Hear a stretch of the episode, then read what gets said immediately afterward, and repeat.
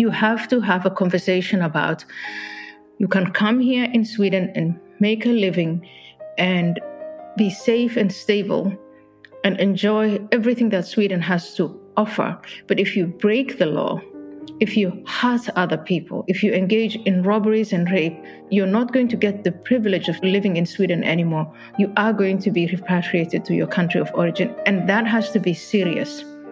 And only then, I think, will the Prime Minister regain the trust of the voters. Welcome to another episode of the Middle East podcast that today will touch upon some serious important topics. The migration crisis, the impact this has had on Europe, in particular, the migration from the Middle East, and how that has affected mainly women and uh, young girls in Europe. With us to talk about that, we have Ayaan Hirsi Ali. Ayaan is a research fellow at the Hoover Institution, Stanford University, founder of the HAA Foundation, host of the Ayaan Hirsi Ali podcast. She served as a member of the Dutch Parliament uh, from 2003 to 2006.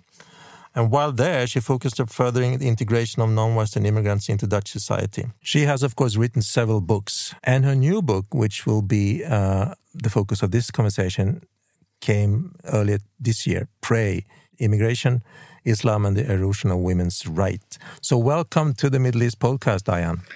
Thank you very much for having me. Let's start there uh, with your latest book, Prey. You point out that we have a huge problem in Europe, especially when it comes to women, and that this is to a large extent the result of receiving a large number of immigrants from Arab Muslim countries, especially around the year 2015. Most of them young Muslim men. How would you define this problem more to, you know, from a European perspective? I think I would define it as an encounter between two different cultures and civilizations. Um, one is the Islamic, and the other one is the post Christian civilization or culture of Europe. And I think Sweden is a very good example of that. Mm. So, on the one hand, in uh, the Arab Muslim world, there are very important reasons for young people, and especially young men, to leave and go in search of a better life. They come to Europe because it's uh, geographically a closer location, but also because of all the pull factors the freedom, the welfare states, the stability. Mm. So that's one reason why they come. Second reason, uh, the second way of looking at it is in many of the European countries, uh, discussions about immigration are really about compassion. What can we do to welcome people who find themselves in difficult situations in their own countries. The conversation has barely been about integration. How can we absorb the people who come mm. from the Middle East, from uh, Arab Muslim countries, from Africa? How can we absorb them into the cultures of our societies? That's the debate that has been neglected. That's the conversation that has been neglected. And what happened, and the subject of Prey, the book that I was coming to Sweden to promote, is the negative consequences, the unintended negative consequences of immigration started to affect working class people, especially women, working class women. Women in the public space find themselves being harassed, they find themselves unsafe, they are subjected to assaults, uh, rape very often and the leaders uh, in government and in the media in academia don't seem to have answers other than to blame the victims and say that they are xenophobic and racist. I recently read a speech that you gave to Per Ahlmark when he turned 70, and this is 2009. And the depressing part of this is that the things you pointed out at that time are still the things that need to be pointed out. So, my question is how is it possible that European governments have been so late in discovering or maybe acknowledging this problem and doing something about it? I think it's acknowledging. There's nothing to discover. The problem was the, like you said, 2009. But if you go back as far as 2001, these were exactly the same issues that we were debating. And some people in some countries will say, even as far back as 1990. Mm-hmm. Um, so we knew that immigrants from Muslim majority countries, once they arrived in Europe, they would have more challenges to assimilate into the norms, the values, the culture of European societies. We knew this for a very long time. European leaders, generation after generation, knew this and they ignored it.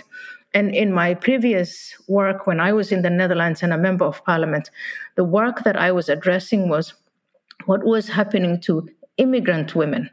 Uh, especially Muslim women. Mm-hmm. They were being subjected to honor killings. They were being subjected to female genital mutilation, child marriage. They were being pulled out of school.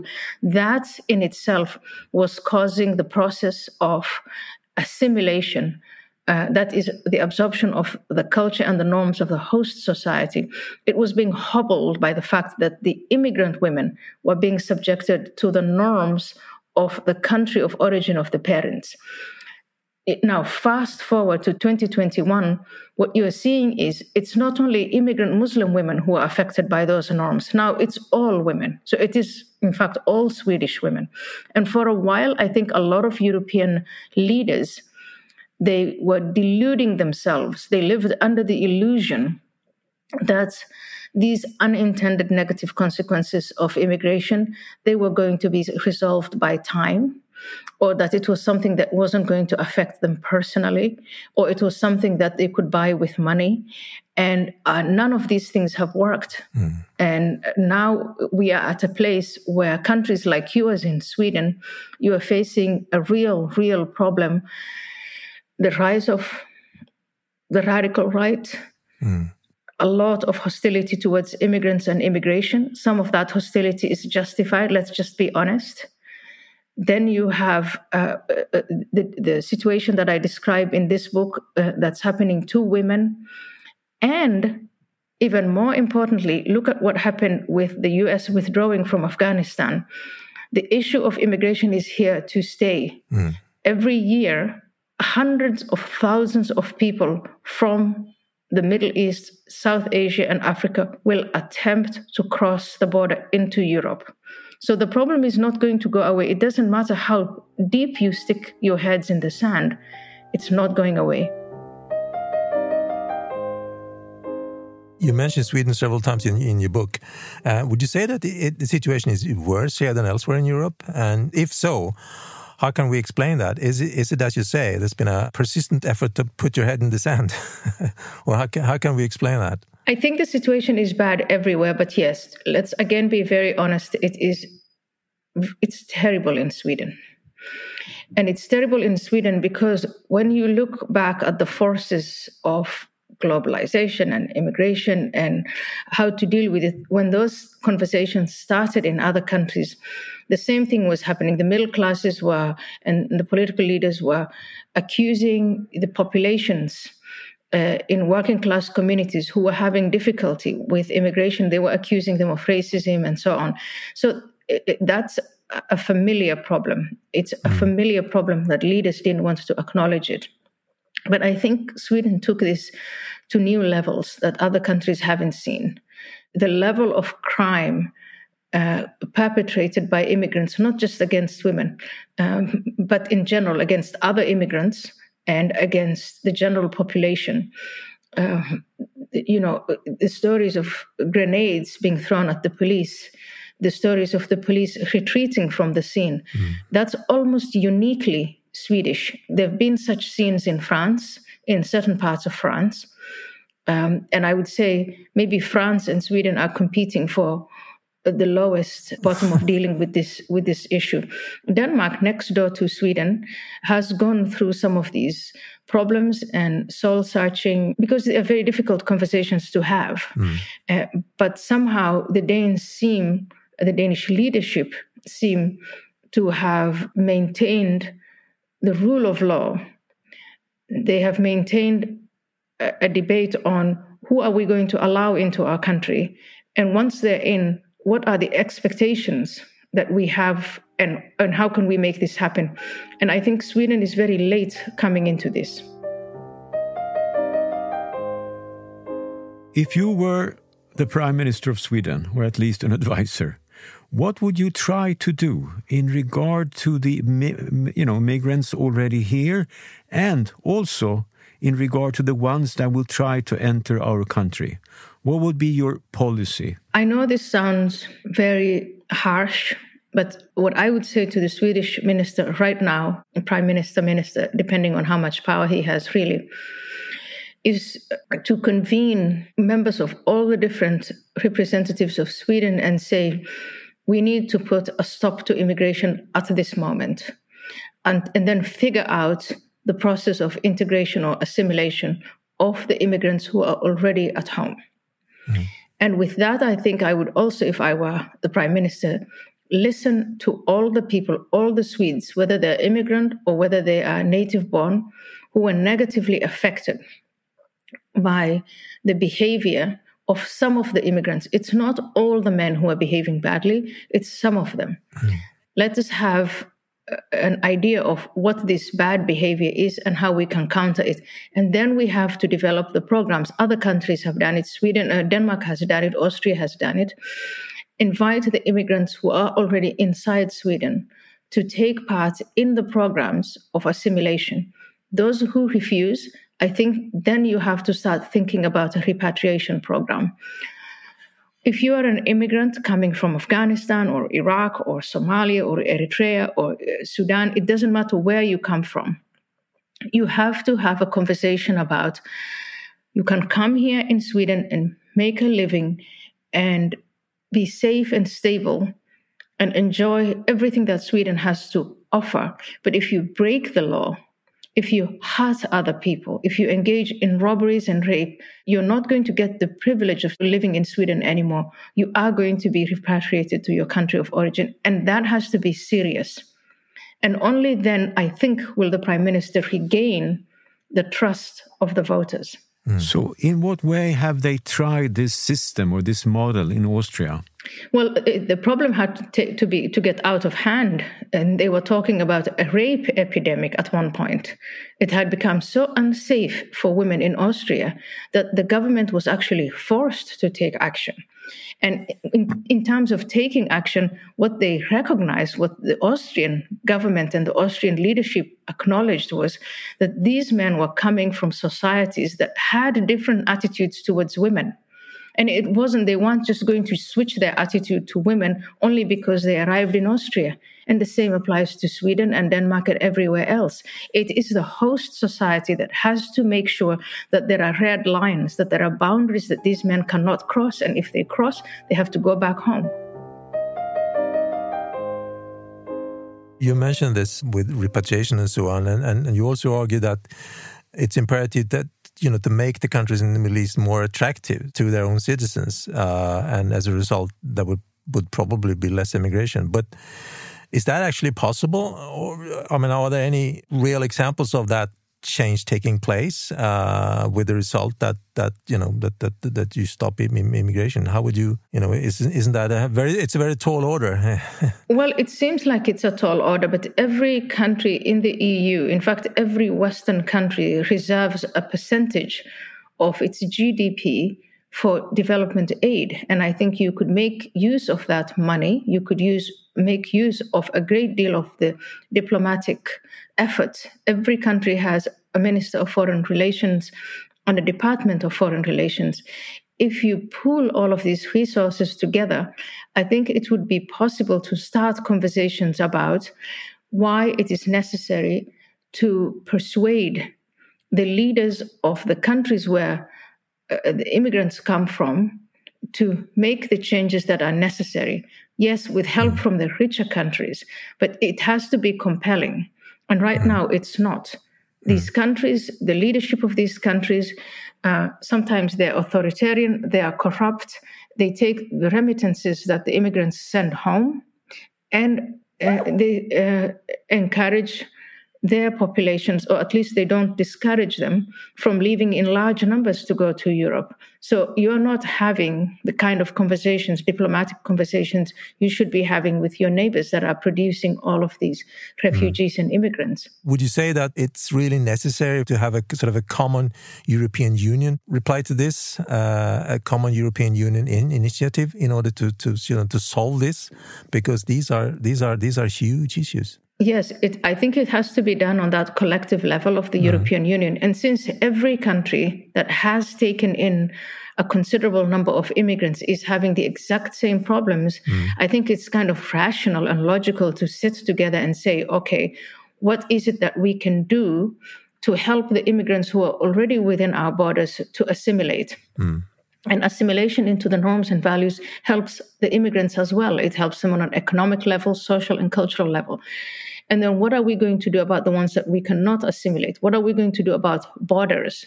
What are we going to do about in terms of our diplomacy and uh, foreign aid, and even in terms of military? What is it that we can do to make sure that our societies remain stable? Mm. So, do you feel that the conversations you're sort of describing here is that going on somewhere? I think reality is going to set in. Again, a lot of people in the 1990s, in the early 2000s, the attitude towards immigration was it's something temporary, it's going to go away, people will go back to their countries, and so on. And now I think a lot of people, we are now having this, uh, a generation of leaders who are born when these conversations they were born when these conversations about immigration and globalization were taking place. So they already are very familiar with the fact that immigration and the problems of immigration are here to stay.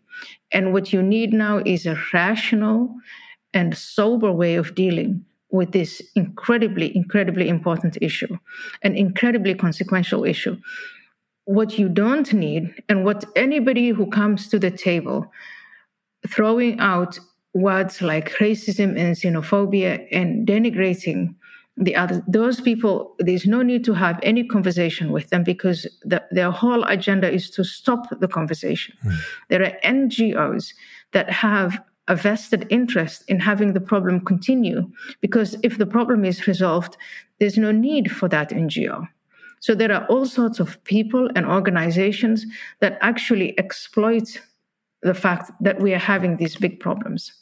And I think you have to audit, you have to do an audit. Every organization to this day that has taken taxpayer money, that has said that they're going to assimilate in, or integrate immigrants, and they have failed, they have to be held accountable we need more transparency on this whole issue of immigration and, uh, and integration. And each country has to do it in its own way, using its own systems.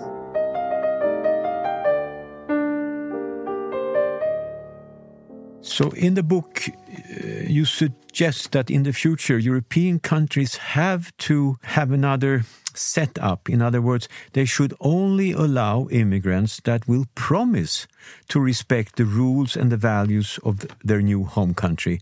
So, would you say there are any functioning examples of that kind of system? the United States, I mean, up until now, now we have a sort of a different conversation, but Uh, countries like Canada, Australia, anywhere where immigration has been a selective issue. It means it, it is completely justified. And I want to say it is, in fact, moral to say we are going to select who we're going to let in and who we are not going to let in. And that means developing a social contract between you and the immigrant. And, you know, are there countries that have done this? Yes, in the past. Uh, and some of them still do it. If you want to go to Canada, you still have to answer masses of questions. Mm. Uh, you have to have someone sponsor you to come in. Uh, I think the mistake that Europe made is that every form of immigration from um, the Middle East, South Asia, from Africa, let's say from the poor countries or the developing countries, all of it was swept under the rug of asylum and refugees. Mm. And I think that has been a terrible strategy for the immigrants themselves and for the countries themselves. in most other countries that are used to having immigrants, it's perfectly fine to have economic immigrants. It's a more honest way of saying, I want to leave my country because I think I can make my life in a better place. Mm. And uh, based on this economic self interest, it's easier to create a system of selection where you get the people who actually want to abide by the law, want to find out about the norms and values, are not prepared to harm other people. Mm. And then you have a system that deals with those who don't want to do that. So it is really a review a serious review and an overhaul of the entire immigration system, which is now mainly asylum focused.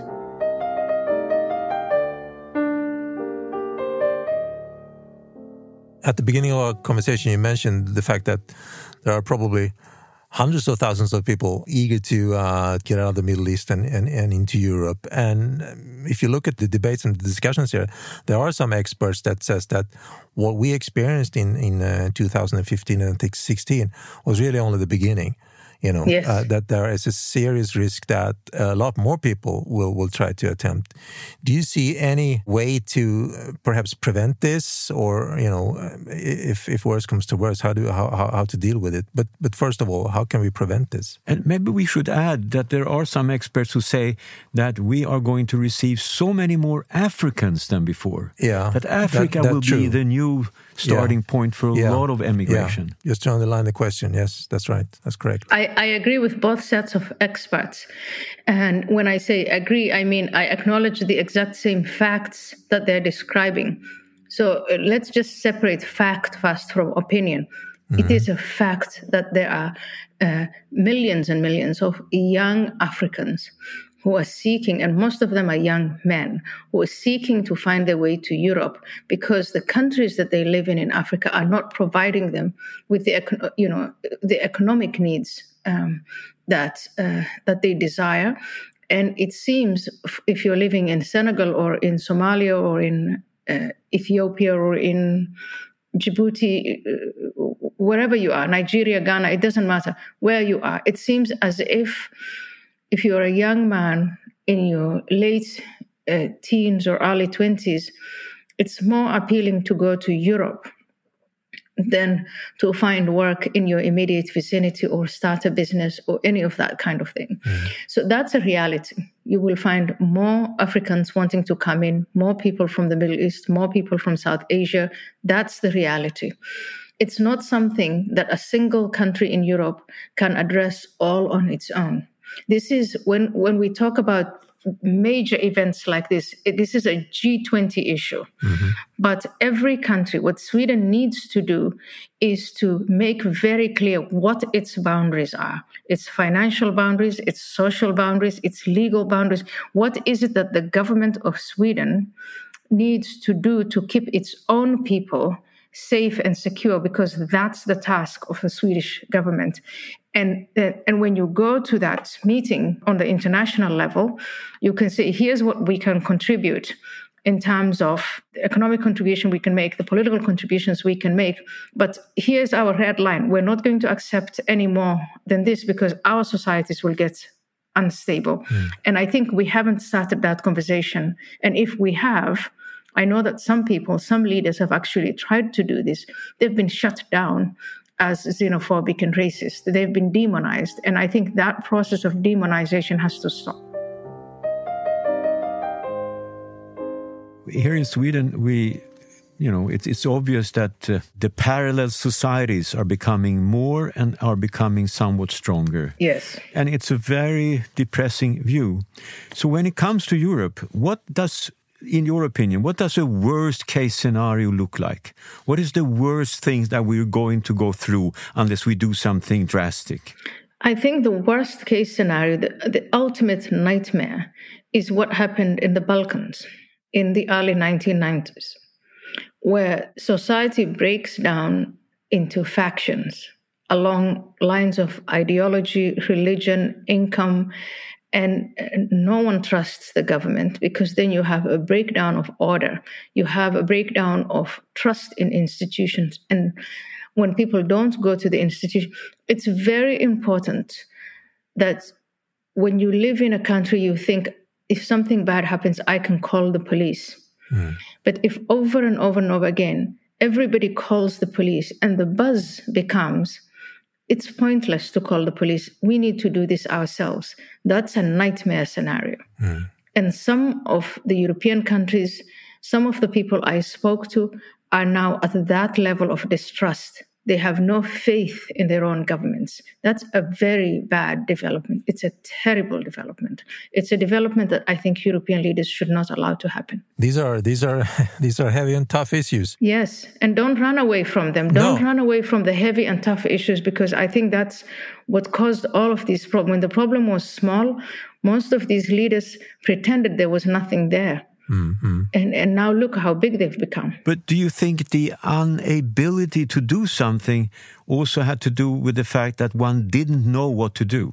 Well, yes, they didn't know what to do. There is a wait and see attitude. There's a very selfish. I've been a politician myself, and most of the politicians I have seen, it's only about the next election and what are the polls saying about this. There's a lot, there's an attitude of short term, short term, short term, which is built into the democratic system. Mm-hmm. So I'm not saying we can blame one person or one party or one institution, but I think there never was a sense of urgency. Mm. And I feel that with Sweden right now, there is that sense of urgency. Do you see any signs uh, of of things being turned around, conversation wise and policy wise? Uh, not not, not only necessarily from a Swedish point of view, but from a European point of view. We mentioned a few things here. You mentioned Austria, you mentioned Denmark. Yeah. Do you see any signs that that things are beginning to turn around? Yes, I see that. I see that sometimes in small ways, sometimes in big ways. Uh, one example of a big way is Brexit. And if, if you had followed that debate in the granular way that I followed it, mm. uh, I think that that was a big, big thing that happened that led a lot of leaders to go back and think, oh my gosh, we need to do something, giving them that sense of urgency. Mm-hmm. And then in small ways, I think because globalization in general and immigration in particular, and particularly the negative consequences of immigration are affecting everyone now. It's affecting schools, it's affecting the streets, the transport system. Everybody has a story to tell. Mm. I think there is this sense that uh, the, the hiding, the running away, the demonizing of the people who talk about the problems, that that's not paying off. So I see that there is an there's a right now a desire to sit to come back together again, sit together and maybe develop uh, a policy that works. Mm-hmm. Uh, and in some countries more than others. The, even the questions that I'm getting from the Swedish journalists in the uh, last time they used to say, "Well, you wrote this book, or you wrote this article, or you said this thing. Aren't you afraid that you're going to empower the racists?" Mm-hmm. Yeah. Now they don't ask those types of questions.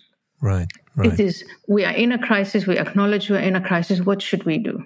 And I think that is uh, that makes me optimistic. Mm. And before we end, please may I say, Sweden has done so many great things that are so complex and that require a great deal of a mix of compassion and mm-hmm. intelligence. And I think the Swedes can do it.